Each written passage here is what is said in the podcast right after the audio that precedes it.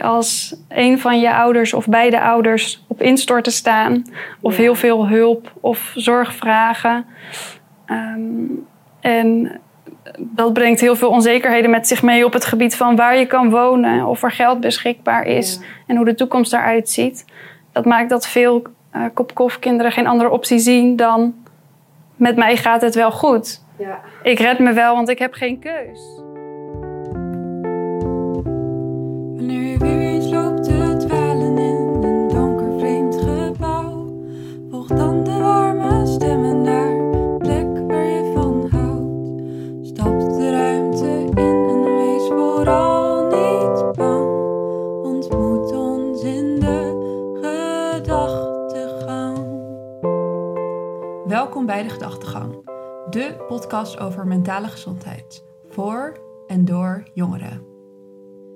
Hoi allemaal en leuk dat jullie weer luisteren naar de Gedachtegang. We hebben vandaag een nieuwe aflevering over het onderwerp uh, naasten en kop kof. Nou, wat dat precies inhoudt, daar gaan we nog helemaal induiken. Uh, naast mij zit Lars. Ja, ik ben er ook weer. Yes, en we hebben vandaag weer een gast namelijk Amber. Ja, eigenlijk laten we gewoon maar gelijk beginnen met de vraag: hoe was deze week jouw gedachtegang? Amber, wil je ook gelijk beginnen? Ja, zeker. Ja, nou, mijn naam is dus Amber en ik zat net in de auto hier naartoe en dacht: oh ja, ze vragen altijd zoiets over een gedachtegang. Ehm, die was volgens mij wel goed. Ehm, ik moet zeggen dat ik iemand ben die altijd best wel veel denkt en best wel veel voelt. Dus als iemand vraagt hoe het gaat of hoe mijn week was, antwoord ik ook wel vaak met ja, wel goed, omdat dat het makkelijkste lijkt om, uh, om uit te leggen. Ik weet ook niet ik. me vast wel. Hoe je dat dan moet uitleggen. Um, maar wel goed. Ik ben ook wel klaar voor de zomer en een beetje vakantie, dus dat merk ik ook wel. Maakt uh, dat ik soms nog een beetje chaotisch ben met alles wat voor die tijd nog moet gebeuren. Nou, mooi. mooi. En die van jou, Lars? Ja, bij, bij mij gaat het weer heel onrustig, maar ik ben de laatste tijd weer heel veel bezig met eh, een vriend van mij is overleden. We zijn nu eh, aan het kijken of we een mooie herinnering voor hem kunnen maken. Dus we zijn heel veel bezig met een vriendenclub, met muziek en dans, om een soort mooie herdenking uh, naar hem te maken. En ook voor zijn ouders en voor de studiegenoten. Dus dat is dan wel weer confronterend. Daarnaast wordt er ook heel veel geleefd in mijn studentenhuis. Nu weer heel veel oh, mag. Fijn. Maar dat, dat zorgt ook wel weer voor dat het allemaal weer wat onrustiger wordt in huis. En dat ik wat minder daar mijn rust kan vinden. En dat kon afgelopen jaar wel wat beter. Omdat heel veel niet doorging. Maar nu merk je weer dat er veel meer mensen over de vloer komen. Ja. En ik ben eigenlijk toch wel geneigd naar mijn rust of zo. En dat kom ik nu weer achter. Dus ik moet even weer mijn rust zoeken in andere dingen. Ja, ik kan me voorstellen als je al zoveel ook in je hoofd hebt en zo, dat je dan die rust nog meer nodig hebt in je huis. Ja, het gaat allemaal nu best wel weer snel, nu die corona, of nu die vaccinatie zo snel gaan. En dan, uh, ja, het gaat allemaal wel snel. Dat zorgt dan voor een beetje onrust eigenlijk. Ja. Hier hetzelfde hoor. Ik merkte dat ook, dat het chaos met zich meebracht. Oh, wacht, we gaan weer allemaal plannen maken en alles omgooien. En toen dacht ik, maar is dat eigenlijk wel wat ik wil? Oh, dat weet ik dan eigenlijk ook weer niet. Misschien moet ik daar eerst eens over nadenken, weet je wel? Dat is wel een hele goeie. Pas op de plaats ook inderdaad. Je gaat echt zo hals over kop bijna allemaal plannen maken, omdat het weer kan. En ik voel, echt, ik voel ook echt een soort haast. Ja, ik denk dat het een goede is om even bij, voor jezelf er weer stil te staan of zo. Of je het dan daadwerkelijk wel allemaal weer wilt of zo. Want anders gaat, gaat het zo snel allemaal. Ja. Ja. ja. En bij jou, Joel, sorry, voordat we helemaal op andere onderwerpen gaan. Ja, um, ja, de afgelopen week, nou goed, we nemen dit voor een keer op op een woensdag. Dus het is een soort van, de, de, de week is eigenlijk halverwege. En ik moet zeggen dat deze week wel echt een stuk beter is dan vorige week. Ik zit de laatste ehm, tijd ook een beetje in een terugval. Dus ik ben wel blij dat het deze week ietsje beter gaat. En het hielp ook wel heel erg dat ik gisteren weer voor het eerst dus ben gaan dansen. Uh, ik heb me weer ingeschreven bij een dansschool. En um, ja, ik heb altijd heel veel moeite om mezelf aan te zetten tot sporten en dat soort dingen. Maar toen ik het eenmaal had gedaan, ik voelde me zo lekker. Ik voelde echt een soort van. Je krijgt altijd. Is het, ik weet nooit of het endorfine of dopamine is. Maar je krijgt een soort van gelukshormoon van mhm. sporten. En ik voelde dat echt zo terug in mijn lichaam. En ik dacht, yes, oké, dit had ik eerder moeten doen. Ik denk dat dans dus, ook meteen een hele mooie manier is om alles eruit te Ja, het was ook moderne dans. Dus het is allemaal erg uh, emotioneel. nee, dus um, nu eigenlijk wel goed. Ja, ben ik wel uh, blij mee. Nice. Ja. Oké, nou, we gaan het dus vandaag hebben over Kopkof. Ja, Amber, zou je iets meer over jezelf willen vertellen? Uh, en wat je doet bij Labyrinth Jong? Ja, zeker. Ja, um, mijn naam is Amber en ik ben 25 jaar. Ik um, werk inderdaad bij Labyrinth Jong als vrijwilliger. En nou ja, misschien is het goed om uit te leggen. Labyrinth Jong is niet een, een stichting of organisatie uh, aan zich, maar het is een onderdeel van Labyrinth in Perspectief. En Labyrinth in Perspectief is een uh, naaste vereniging of een stichting voor naasten uh, van mensen met psychische of verslavingsproblematiek. en Labyrinth Jong is een onderdeel daarvan die zich specifiek richt op jongvolwassen naasten. En daaronder verstaan wij mensen van 18 tot 35 jaar. Labyrinth in Perspectief heeft best wel een focus ook op uh, kop-kof. Dus dat zijn kinderen van ouders van psychische problematiek, dat is kop. En kof, kinderen van ouders met verslavingsproblematiek. En waar Labyrinth in Perspectief voornamelijk voor staat, is het lotgenotencontact voor naasten. Uh, en dit doen ze in allerlei vormen. Dus je kunt denken aan uh, online lotgenotencontact via de e-service of via uh, online contactgroepen. maar ook offline services zoals evenementen en fysieke contactgroepen. En verder houden zij zich ook bezig met belangenbehartiging voor deze doelgroep. en geven zij ook voorlichting aan bijvoorbeeld hulpverleners of professionals. En precies alles waar Labyrinth in perspectief voor staat en wat zij doen, dat proberen wij als Labyrinth Jong te doen uh, voor dus die specifieke doelgroep ja. jongvolwassenen. Nice, oké. Okay. Um, ja, ja, nou, je, je, je, had, je, had, het eigenlijk heel... Het was echt een heel mooi verhaal. Gelijk heel duidelijk, vond ik zelf. Um, wat is, zeg maar... Ja, waarom is Labyrinth Jong voor, voor jongvolwassenen zijn jullie dan? Waarom denk je dat het belangrijk is om juist voor die doelgroep... zeg maar ook aandacht te besteden aan Kopkof? Ja, dat is wel een hele goede... naasten natuurlijk. Ja, ja, ja, klopt. Ja, dus ook binnen Labyrinth Jong merken wij dat we met relatief veel uh, kop-kof werken. Dus dat veel mm. van de naasten ook die wij um, spreken, uh, kinderen zijn van nou ja, ouders met psychische of verslavingsproblematiek. Ja. Um, er zijn ook redelijk wat brussen, dus broers of zussen uh, van mensen met uh, psychische of Oh, ik zat echt te denken, wat zit er afkort? Volgende keer als ik iemand vraag van heb je nog broers of zussen, heb je nog brussen? Ja. ja, het is heel grappig. Dat is echt wel een klein stukje vakjargon volgens mij, maar um, iets wat inderdaad bij ons vaak gebruikt wordt. Um, en hoe wij dan als Labyrinth Jong zijn ontstaan, dat is wel een goede vraag. Wij zijn twee jaar geleden ontstaan en dat is ook het moment geweest dat ik bij Labyrinth in Perspectief uh, ben gekomen als vrijwilliger.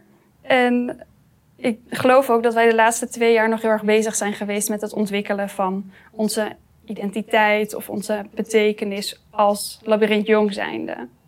En ja, even terug. Hoe, ja, misschien is het dan nu een goed moment om ook iets te, te uh, vertellen over hoe jij daar zelf terecht bent gekomen. Wat, uh, wat maakte dat je dacht, ik, hier moet ik iets mee doen? Oeh, wat een vraag. Het is chaotisch gelopen. ik denk een stukje achtergrond wat, wat goed is om te weten is dat ik een vader heb die manisch depressief uh, is. Mm. Um, die heeft een bipolaire stoornis. En ik heb ook een broer die een depressieve kwetsbaarheid heeft. Dus dat maakte dat ik um, nou ja, van jongs af aan, of in ieder geval de afgelopen paar jaren, altijd wel veel affiniteit met het thema heb gehad. Um, het thema mentale gezondheid, uh, depressie, uh, ook wel echt bipolaire stoornissen specifiek.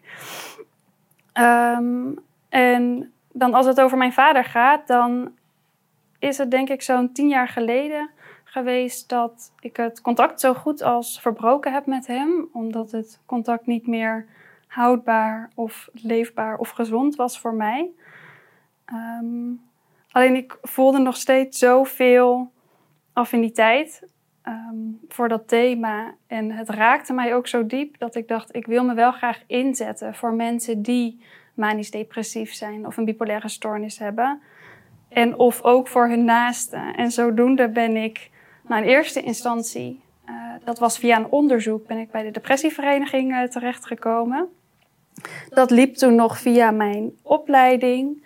Uh, er was een oproep dat iemand onderzoek kon doen naar het persoonlijk ontwikkelingsproces van mensen met depressie. En meer specifiek ook de rol van het lotgenotencontact in dat proces. En zodoende ben ik hier nou ja, in Amersfoort binnengekomen. eh, bij de depressievereniging, eh, specifiek wel voor dat onderzoek. Daarna ben ik zelf eh, naar Plusminus uh, gegaan. Dat is dan de vereniging voor mensen met bipolaire stoornis. En ook voor hun naasten. Dus daar heb ik als naaste wat vrijwilligerswerk gedaan. Maar werd ik ook al vrij snel via Plusminus naar uh, Labyrinth in Perspectief gestuurd. Wat dan echt een naaste vereniging is. Um, nou ja, en zodoende ben ik uh, daar beland. Ja. En was je daarvoor al bekend met de term Kopkov? Je wist dat dat uh, iets was wat op, op jou van toepassing was? Ik denk het eigenlijk niet. Nee? Nee, ik denk het niet. Dus dat was pas bij Labyrinth dat je dat uh, hoorde? Ja, ja, daar heb ik dat pas uh, geleerd. Eigenlijk. Hoe, hoe was dat om dat te beseffen? Of?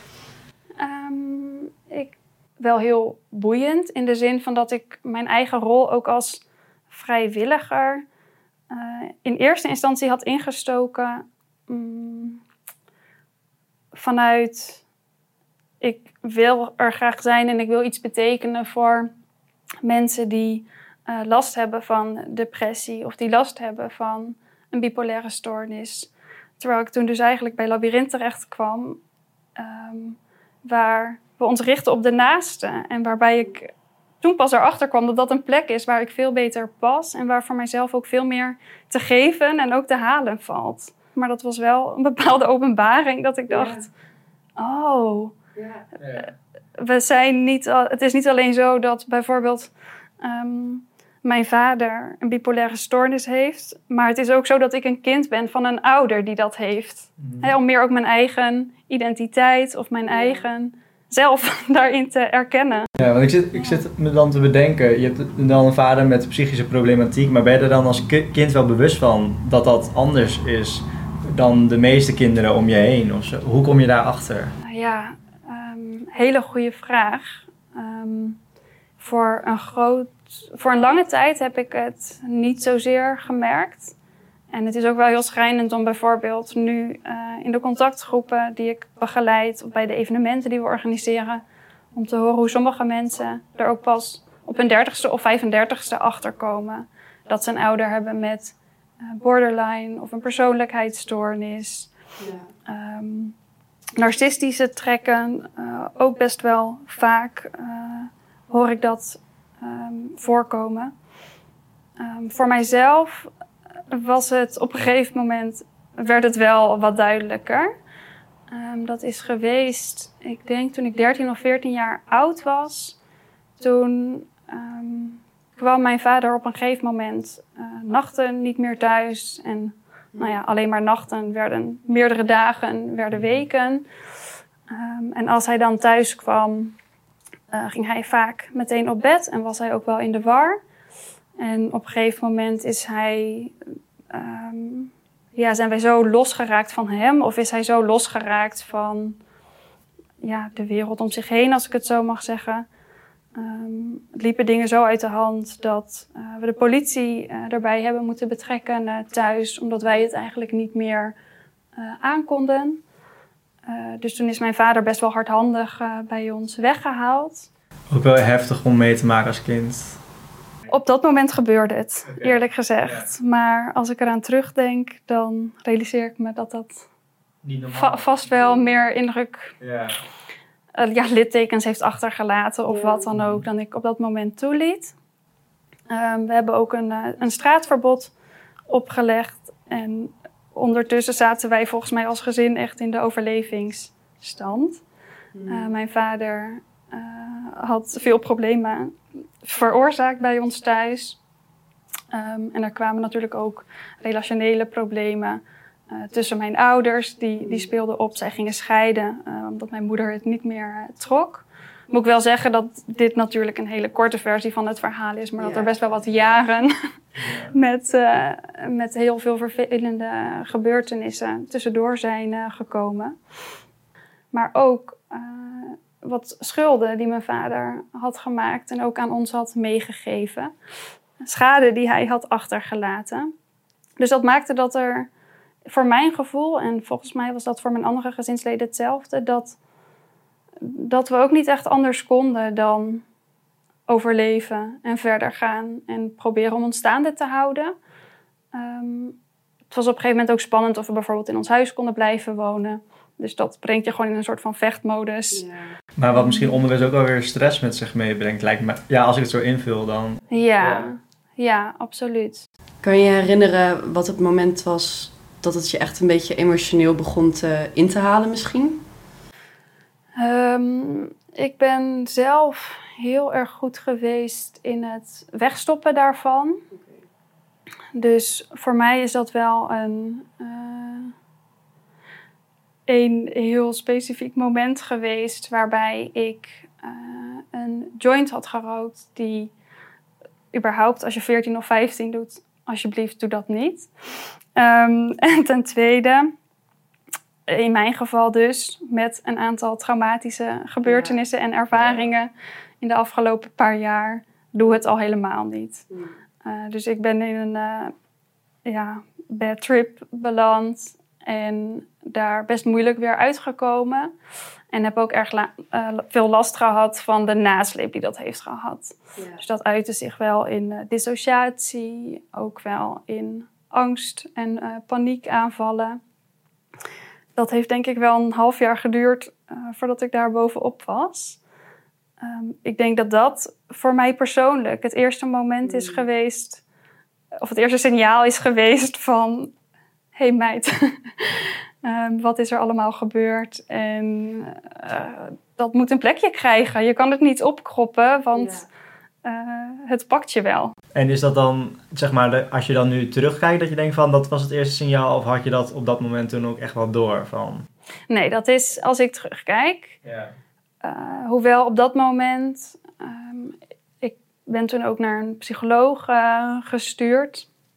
Vond ik niet zo heel erg leuk, dus ik heb daar, um, ik heb dat niet goed benut toen. Dat kon ik op dat moment uh, gewoon nog niet. Nou, als je er niet voor open staat, dan. Nee, ja. Nee, dus ik weet het niet. Ik had toen wel gelijk ook al, dan wel via mijn moeder, dan wel via die psycholoog um, wat meer informatie gekregen over wat ook de rol was geweest waarschijnlijk van de afgelopen jaren en wat daar was gebeurd.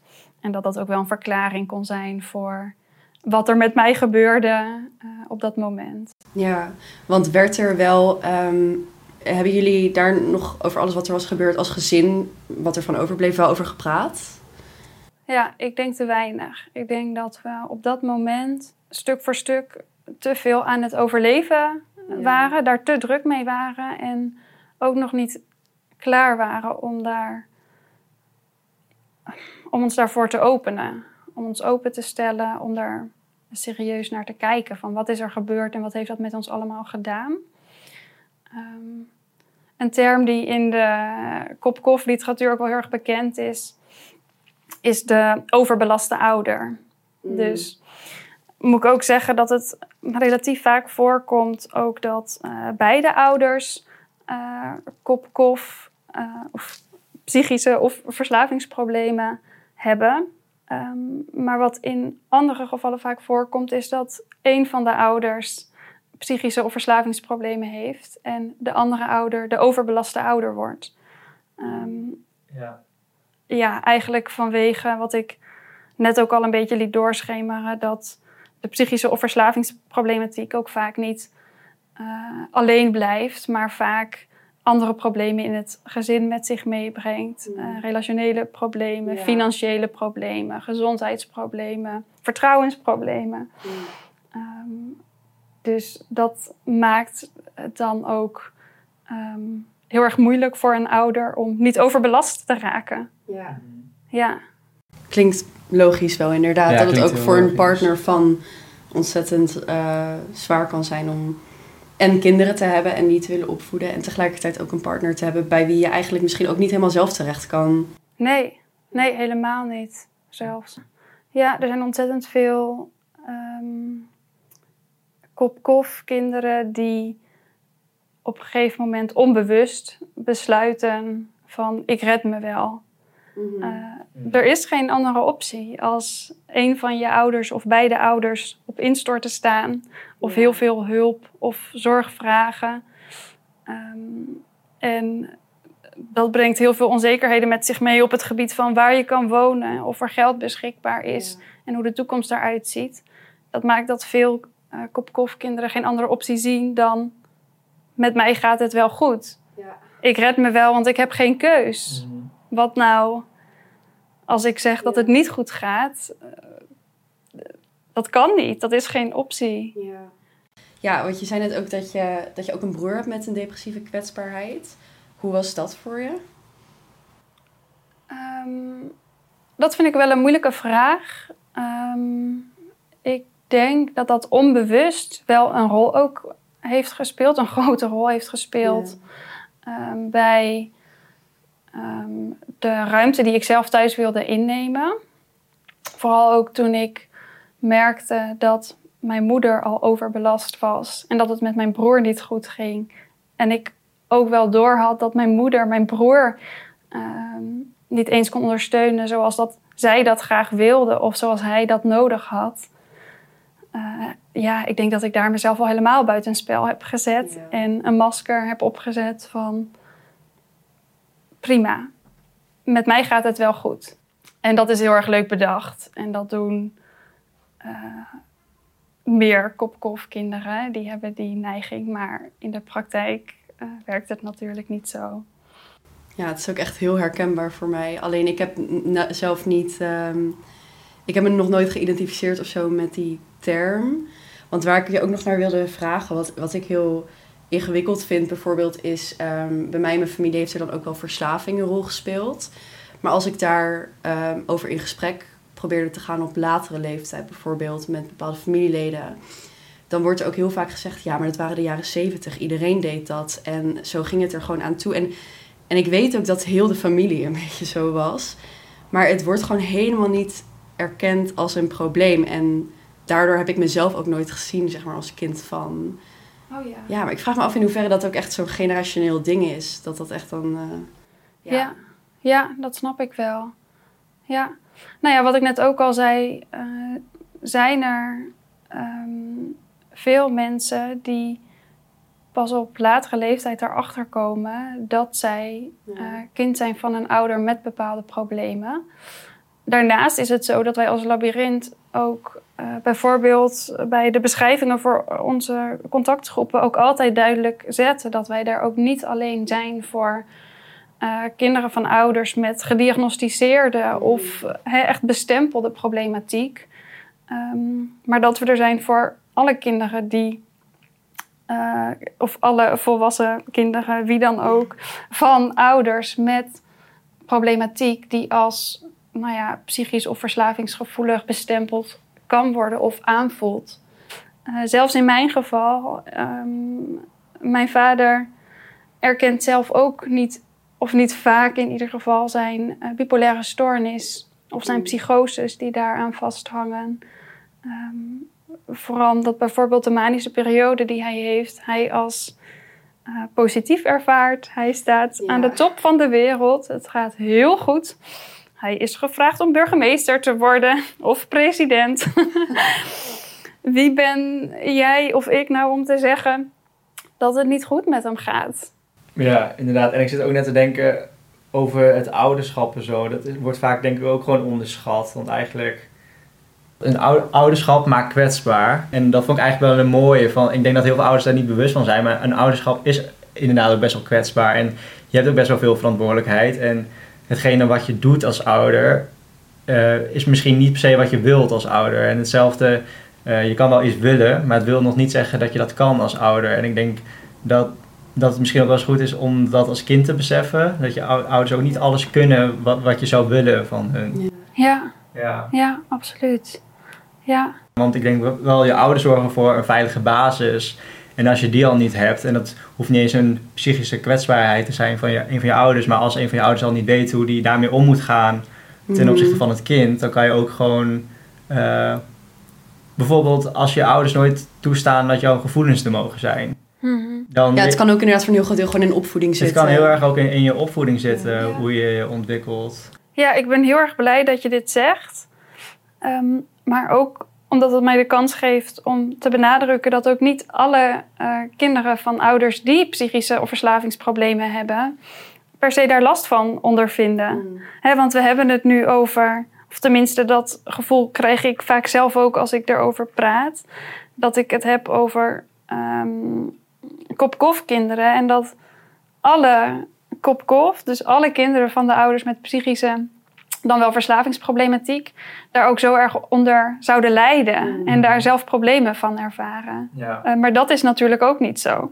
Maar ik denk hoe dan ook, of je inderdaad nu een, een, een kop- of een kofkind bent of niet, het, het kan denk ik voor iedereen helpen om gewoon heel eerlijk misschien te reflecteren op jouw jeugd en wat je misschien hebt gemist of wat je juist wel eens fijn hebt ervaren van je ouders, omdat Ja. je anders, je neemt alles zo aan voor dit is gewoon hoe het is. En wat jij ook een beetje omschreef voor jou was dat die overlevingsstand. Nou, ik herken me daar inderdaad voor een heel groot deel wel in.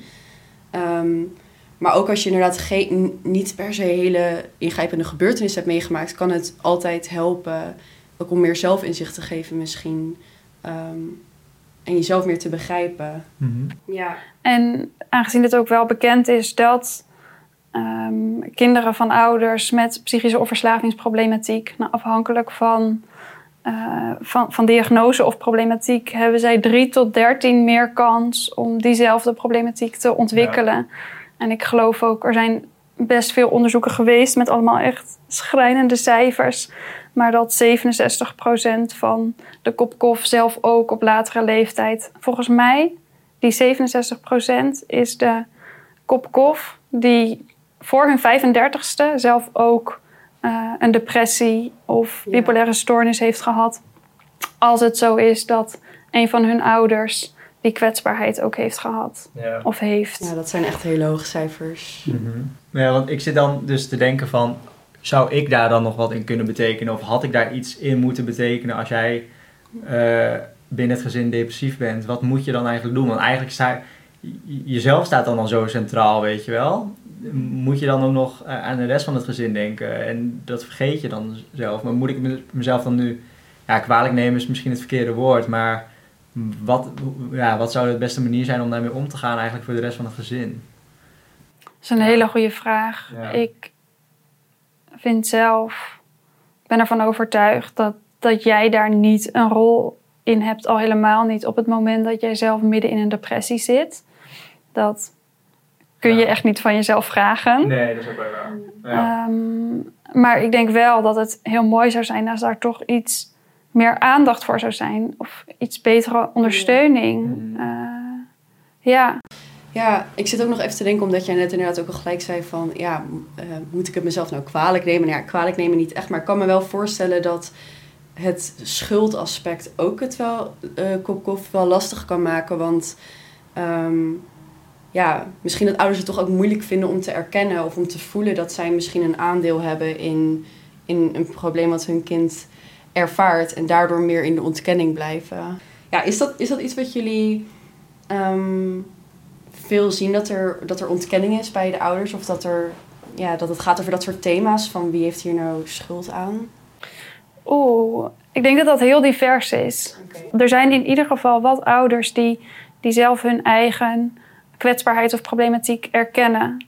Dan is er ook nog een groep ouders die hun kinderen de schuld geeft van hun problemen. Oh, ja. Komt ook eh, regelmatig voor. Eh, vind ik echt verschrikkelijk om, om te horen. Nou ja, en dan heb je natuurlijk ook nog een, een deel ehm, die te druk is met, met, met zichzelf, de eigen problematiek of kwetsbaarheid, eh, waardoor ze er niet over nadenken. En dan zijn er natuurlijk nog die partners van, die ook relatief vaak overbelast zijn. Ja. Heel ingewikkeld. Ik, maar ik denk inderdaad wel, wat we net ook zeiden, dat het wel heel interessant en waardevol kan zijn om eens je, je eigen jeugd te herleiden van, nou, misschien- wat voor tekortkomingen heb ik misschien gehad. En het hoeft helemaal niet bewust iets te zijn van de ouders, maar dan Ja. kan je wel bij jezelf weer dingen nagaan van, oh joh, oh, daarom heb ik hier misschien wat Ja. meer moeite mee. En eh, ik denk dat Ja, best wel of als het voor jou mogelijk is om inderdaad ook in gesprek te gaan met je ouders daarover. En dan hoeft het niet meteen een, een, een kwestie te zijn van de schuld ergens leggen Nee, of zeker zo. niet. Ik heb wel, nu niet meer gelukkig hoor, maar ik heb wel eens aan mijn ouders gemerkt dat ze meteen heel erg defensief worden, weet je, als je daarover Mhm. begint. Ja. Eh, ook wel gehoord van andere mensen die bijvoorbeeld ook dan therapie hebben gehad. Eh, nou, ja, wij gaan binnenkort ook eh, met een systeemtherapeut praten. Dus dan zullen we daar misschien ook nog wel eh, verder over gaan. Maar dat eh, dat ouders daar ook vaak wel heel erg ehm, terughoudend in zijn in dan meegaan. Want dan hebben ze iets van, ja, maar dan krijg ik zeker de schuld of zo. Ja, En eh, dat, dat, eh, ja, dat ouders daar blijkbaar erg bang voor zijn. dat is wel een goeie, maar Ja. dat kan ik me ook wel weer voorstellen. Want het, ik, snap, ik kan me voorstellen, als ouder wil je het ook goed doen. En als je dan zo'n gesprek aan zou gaan, dan komt dat natuurlijk ook over alsof je hebt gefaald. Je wil misschien ook niet ja, kritiek op, jouw ehm, op jouw ouderschap. Nee. Dat kan ergens En tegelijkertijd wil je misschien ook niet helemaal, nou, zit ik in te vullen, maar als kind wil je natuurlijk ook niet dat je ouder het slecht heeft gedaan Nee. of zo. Nee, en dat is iets wat naar mijn inzicht een van de grotere problemen is bij Kopkof. Dat het is voor iedereen die zelf op een gegeven moment met wat psychische problemen worstelt, heel erg lastig om aan te geven dat het niet goed gaat Ja. en daar open in te zijn. Ehm, nu is dat voor Kopkof vaak bijzonder lastig. Ten eerste al vanwege wat ik vertelde, dat het soms binnen de situatie heel erg lastig is om eh, überhaupt ruimte in te nemen. En eh, die mogelijkheid wordt vaak door Kopkof niet gezien om aan te geven van het gaat met mij ook niet goed. Want alles het hele gezin staat al op instorten. Ehm, dus durf dat maar eens. Ehm, maar daarnaast zitten zij ook niet in een omgeving waarin zij dat eh, makkelijk kwijt kunnen. En daarbij speelt dan ook hè, dat wat je vertelt over de eh, relatie die je met je ouders hebt. Ehm, loyaliteit naar je ouders toe speelt daarbij echt een ongelofelijke Ja. eh, grote rol. Mhm.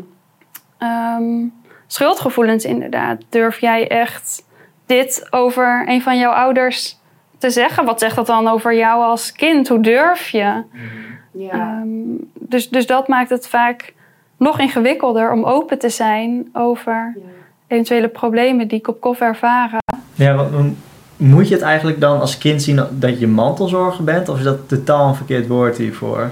Oh, ik vind dat wel een, een, een goede vraag. Ik denk dat dat heel erg verschilt. Ehm, dat dat heel erg afhankelijk is van, van de problematiek die er Ja. is. Ik ben de laatste maanden eh, wel veel bezig met hoe mijn jeugd is geweest. En ehm, wat ik me bijvoorbeeld realiseerde is dat ik op de middelbare school op een gegeven moment, toen mijn vader niet bij ons woonde, maar wel ergens een appartement had, eh, in een tussenuur, dat had ik dan rond 12 uur, twee keer per week volgens mij, ging ik naar mijn vader toe.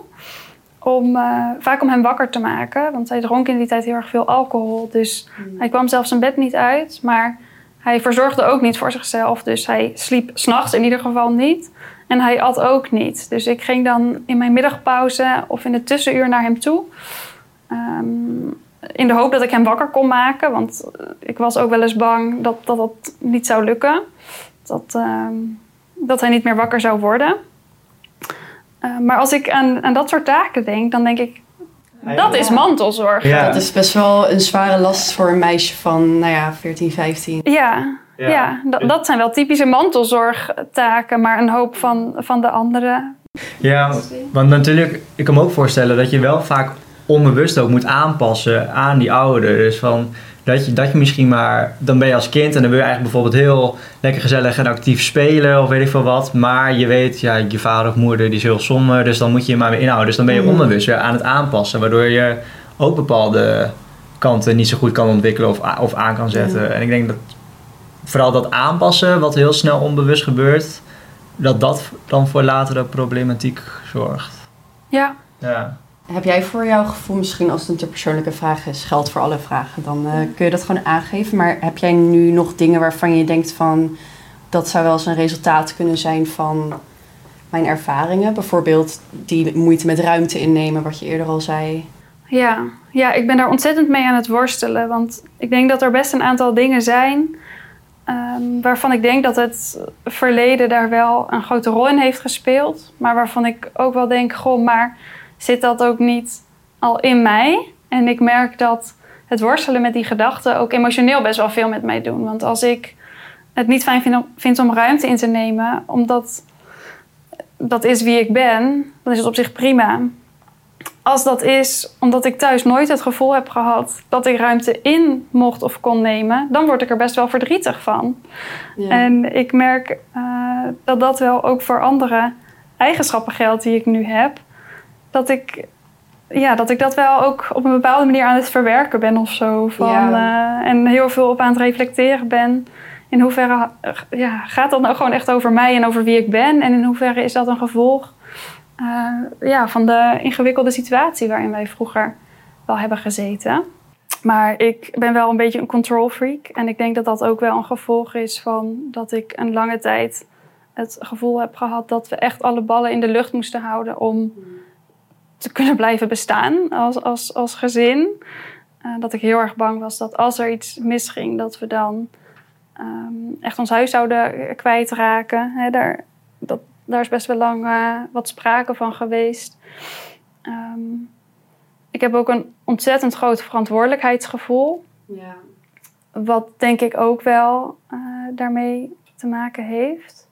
Dus dat zijn wel een paar voorbeelden van eigenschappen. Die ook niet per se alleen maar negatief zijn. Maar die ik blijkbaar wel tot. Die ik zeker tot bepaalde mate wel als vervelend ervaar. Dat ik denk, oh ja, goh, ik zou het eigenlijk best wel eens lekker vinden om dingen iets meer los te kunnen laten. Want bijvoorbeeld die overlevingsmodus waar ik wel een poosje in heb gezeten, zo'n Ja. fight or flight modus, die, dat, dat is er niet meer, dat hoeft niet meer. Dus waarom zijn dan sommige van die kenmerken daarvan soms nog wel heel erg, eh, komen die nog wel voor in mijn dagelijks leven? Ja. Ik ben ook wel benieuwd, omdat Labyrinth Jong dus ook vooral echt eh, gaat over kinderen van die nu jongvolwassen zijn. Stel, ik ken iemand in die leeftijdsgroep of zo. Ik ken een jongvolwassene die eh kop is, die dat soort dingen heeft meegemaakt. Hoe, hoe kan je er zijn voor iemand die, ehm, ja, die een ouder heeft gehad of een ander gezinslid eh, met psychische problemen? Oeh, alweer zo'n moeilijke vraag. en waarom ik dat vind is omdat als ik eh, naar mijzelf kijk, ik vind het nog steeds heel erg lastig om het met vriendinnen te bespreken. En vanwege ook vanwege die loyaliteit naar mijn ouders toe. Als ik eh, mijn vriendinnen zou vertellen wat er is gebeurd. ehm, of wat mijn vader bijvoorbeeld heeft gedaan, dan zouden zij best wel boos op hem worden. En dan zouden zij niet snappen dat als hij mij nu opbelt om te vertellen dat hij in de problemen zit en dat ik de enige ben die hij nog heeft, dat ik dan voor hem klaarsta. En dat dat, dat maakt het voor mij dus heel erg lastig om met buitenstaanders erover te praten. Ook al is die buitenstaander ehm, mijn vriend of een van mijn beste vriendinnen. Ehm, A, omdat het überhaupt al lastig is om over, negatief over je familie te praten. En al helemaal als je vaker hebt ervaren dat zij het toch niet zo goed begrijpen. En dat is misschien wel een mooi bruggetje naar waarom ehm, dat lotgenotencontact bij Labyrinth Jong zo fijn is. Omdat je daar in bijvoorbeeld contactgroepen of bij evenementen eh, zit met een groep mensen die niet precies, maar wel bijna precies diezelfde ervaringen hebben. Die weten hoe het is om te worstelen met eh, je familieleden en de verantwoordelijkheidsgevoelens, maar ook de schuldgevoelens en de loyaliteitsgevoelens. Eh, de zorgen ehm, over je ouders. Ehm, het, ook het zorgen voor je ouders. Dat zijn zoveel elementen ehm, ja, waar je bij elkaar veel erkenning in vindt, Mhm. maar die lastiger zijn om uit te leggen of te bespreken Ja. met mensen die eh, niet dezelfde ervaring hebben. En daar heb ik ook wel een goed voorbeeld van. Het is dus al, ik denk, bijna tien jaar dat ik vrijwel geen contact heb met mijn vader. Maar als hij mij nodig heeft, dan sta ik toch weer voor hem klaar. Toen heeft mijn partner op een gegeven moment gezegd: ehm, Je moet een keuze maken tussen je vader en tussen mij. Want ik trek het niet meer. Hij zegt: Om jou, en het was natuurlijk niet de eerste keer dat hij dit heeft meegemaakt, om jou zo kapot te zien gaan vanwege de situatie rondom je vader. Terwijl mijn vriend en ik zijn tien jaar samen. Alles wat ik de afgelopen tien jaar heb gezien, is dat hij ook alleen maar ehm, zoveel van jou heeft gevraagd en Ja. zo weinig heeft gegeven. Ik trek dit niet meer. Ik kan dit niet meer aanzien. En emotioneel gezien dacht ik: wat ben jij stom? Hoe durf je? Hoe durf je? Hoe durf je mij te vragen om te kiezen tussen jou en tussen mijn vader? En rationeel gezien, en daar was ik wel heel blij mee dat ik dat inzicht had, dacht ik: hij kan tenminste wel zijn grenzen aangeven. Hmm. Hij weet tenminste wel wat een moment is om te zeggen: ik trek dit niet meer. We moeten dit anders doen. En ik denk dat ik niet de enige daarin ben dat die eh, loyaliteit of die bereidheid die jij hebt, hoe ver dat jij gaat voor jouw ouder, daar zitten geen grenzen aan. Ja, voor sommige mensen dus blijkbaar wel. Ja. Ja, hoewel het ging niet om zijn vader of Nee, moeder. ja. Dus, maar dat was voor mij wel een heel erg pijnlijk moment. En voor mij heel erg ehm, duidelijk wel. Als in dat hij, hoe dicht bij mij hij ook staat, hij begrijpt het niet. En mensen die ook in zo'n situatie hebben gezeten, die begrijpen het wel. En na tien jaar eindeloos proberen mijn vader te helpen ehm, in situaties die onmogelijk zijn, Ja. heb ik inmiddels in principe ook wel geleerd, of dat zou zo moeten zijn, Mhm. dat het mij niet lukt. Ja, het is dus, ik denk ook de afgelopen tien jaar op één of twee handen te tellen geweest dat ik mijn vader heb gezien. En dat is altijd geweest in een situatie dat hij mijn hulp nodig had, omdat er niemand anders op dat moment was. Ja. Ik denk wel dat het voor mij ingewikkeld maakt. Eh, neemt niet weg dat ik alle respect ervoor heb. Eh, dat eh, al mijn andere gezinsleden ook wel ehm, die band 100% hebben verbroken. Maar goed, dus dat maakt het ook wel ingewikkeld. Dat op het moment dat hij mij belt met die kreet van je bent de enige die iets voor mij kan betekenen. Ik geloof ook wel dat dat op dat moment zo is. Ja. Hmm. Ik, ik, ik heb nog wel één vraag eigenlijk en dat is... Ik kan me voorstellen dat je als kind misschien eh, met een kofouder ehm, misschien een sociaal vangnet mist of zo. Zou je daar iets aan kunnen betekenen als je weet van, joh, eh, zorg dat, dat, dat jij ehm, die kinderen dan betrekt bij leuke dingen of zo? Of, of is dat niet je verantwoordelijkheid als buitenstaander? Ehm, ja, je bent wel van de verantwoordelijkheden, hè? Ja, ja, Ja. dat merk ik nu ook. Ja, Ja, je wil graag een oplossing of zo. Ja, ik zou graag een oplossing Ja. willen. snap ik. Ehm, ik eh, als ik voor mijzelf spreek, dan heeft het mij wel heel erg geholpen dat ik om deze situatie heen eh, een best wel heel erg fijne jeugd heb gehad. Ik heb altijd veel vriendinnen om mij heen gehad, eh, altijd best veel gesport. Ehm, wat ik ook heel erg leuk vond om te doen. En ik denk dat dat mij wel heeft gered. Eh, ja, dat sociale vangnet, zoals Ja. jij het dan noemt, om mij Ja. heen. Dan wil ik wel nog kort terugkomen op dat wat ik ook al eerder zei. Dat kop, kof, eh, kinderen zijn heel goed in maskers ophouden. Zij geloven, zij zijn er zelf ook echt van overtuigd. Hè, dat mechanisme van ik red me wel, met mij gaat het goed. Bij mij op de, op de middelbare school, het ging natuurlijk voor geen meter. Ik was echt een wrak. Ehm, maar het was zoveel makkelijker om te doen dat Ehm, om te doen alsof ik school niet interessant vond. En alsof het me gewoon niet boeide. Ik deed veel liever dat dan toe te geven. En ook mijn ouders of een van mijn ouders te verraden over de problemen die er speelden. En wat dat ook met mij deed en hoe ik mij daarbij voelde. Ehm, waardoor het op een gegeven moment heel erg slecht ging op school. Maar de reacties, en gezien mijn toneelstuk geheel terecht, van docenten waren: we moeten haar van school afsturen. Oh Oh, jee. ja, ja. Ja. En nogmaals, ik begrijp vanuit hun die reactie en ook degene die daarvoor pleiten, eh, die zijn in mijn toneelstukje getrapt. Dus dat is, Mm. was op dat moment mooi. Maar daar, en eh, daar is mijn moeder voor mij opgekomen. Daar ben ik heel dankbaar voor. Die heeft toen aan de bel getrokken Ja. en een klein tipje van de sluier gedaan. En iets verteld over de problemen die er speelden. ehm, waardoor ik eh, gewoon mocht blijven zitten. In plaats van eh, Ja. dat ik van school getrapt word. Maar ik denk dat dat voor heel veel andere kop koffie wel geldt. Hè? Als je inderdaad kan opmerken dat het niet goed gaat, dan denk ik dat het heel erg mooi is dat je daar een steviger sociaal vangnet omheen kan bouwen. Of dat je kan kijken hoe je diegene kan helpen en wat voor instanties je daarbij in kan schakelen.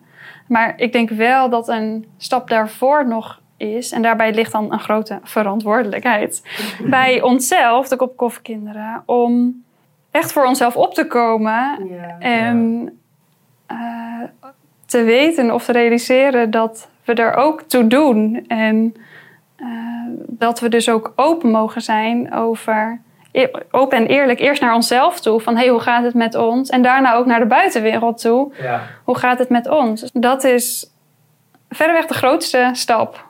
Nou, dat was weer uh, deze aflevering van de Gedachtegang. Amber, heel erg bedankt voor je verhaal, voor je komst uit je Groningen.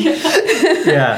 ja, wij hebben best wel veel geleerd, denk ik, kan ik ook wel mhm. voor jou zeggen. Um, ja, als jullie dit een leuke podcast vonden, laat het ons vooral even weten op Instagram. Uh, en we zijn er volgende week natuurlijk gewoon weer. Dus uh, tune vooral dan weer in op Spotify. Doei! Doei doei!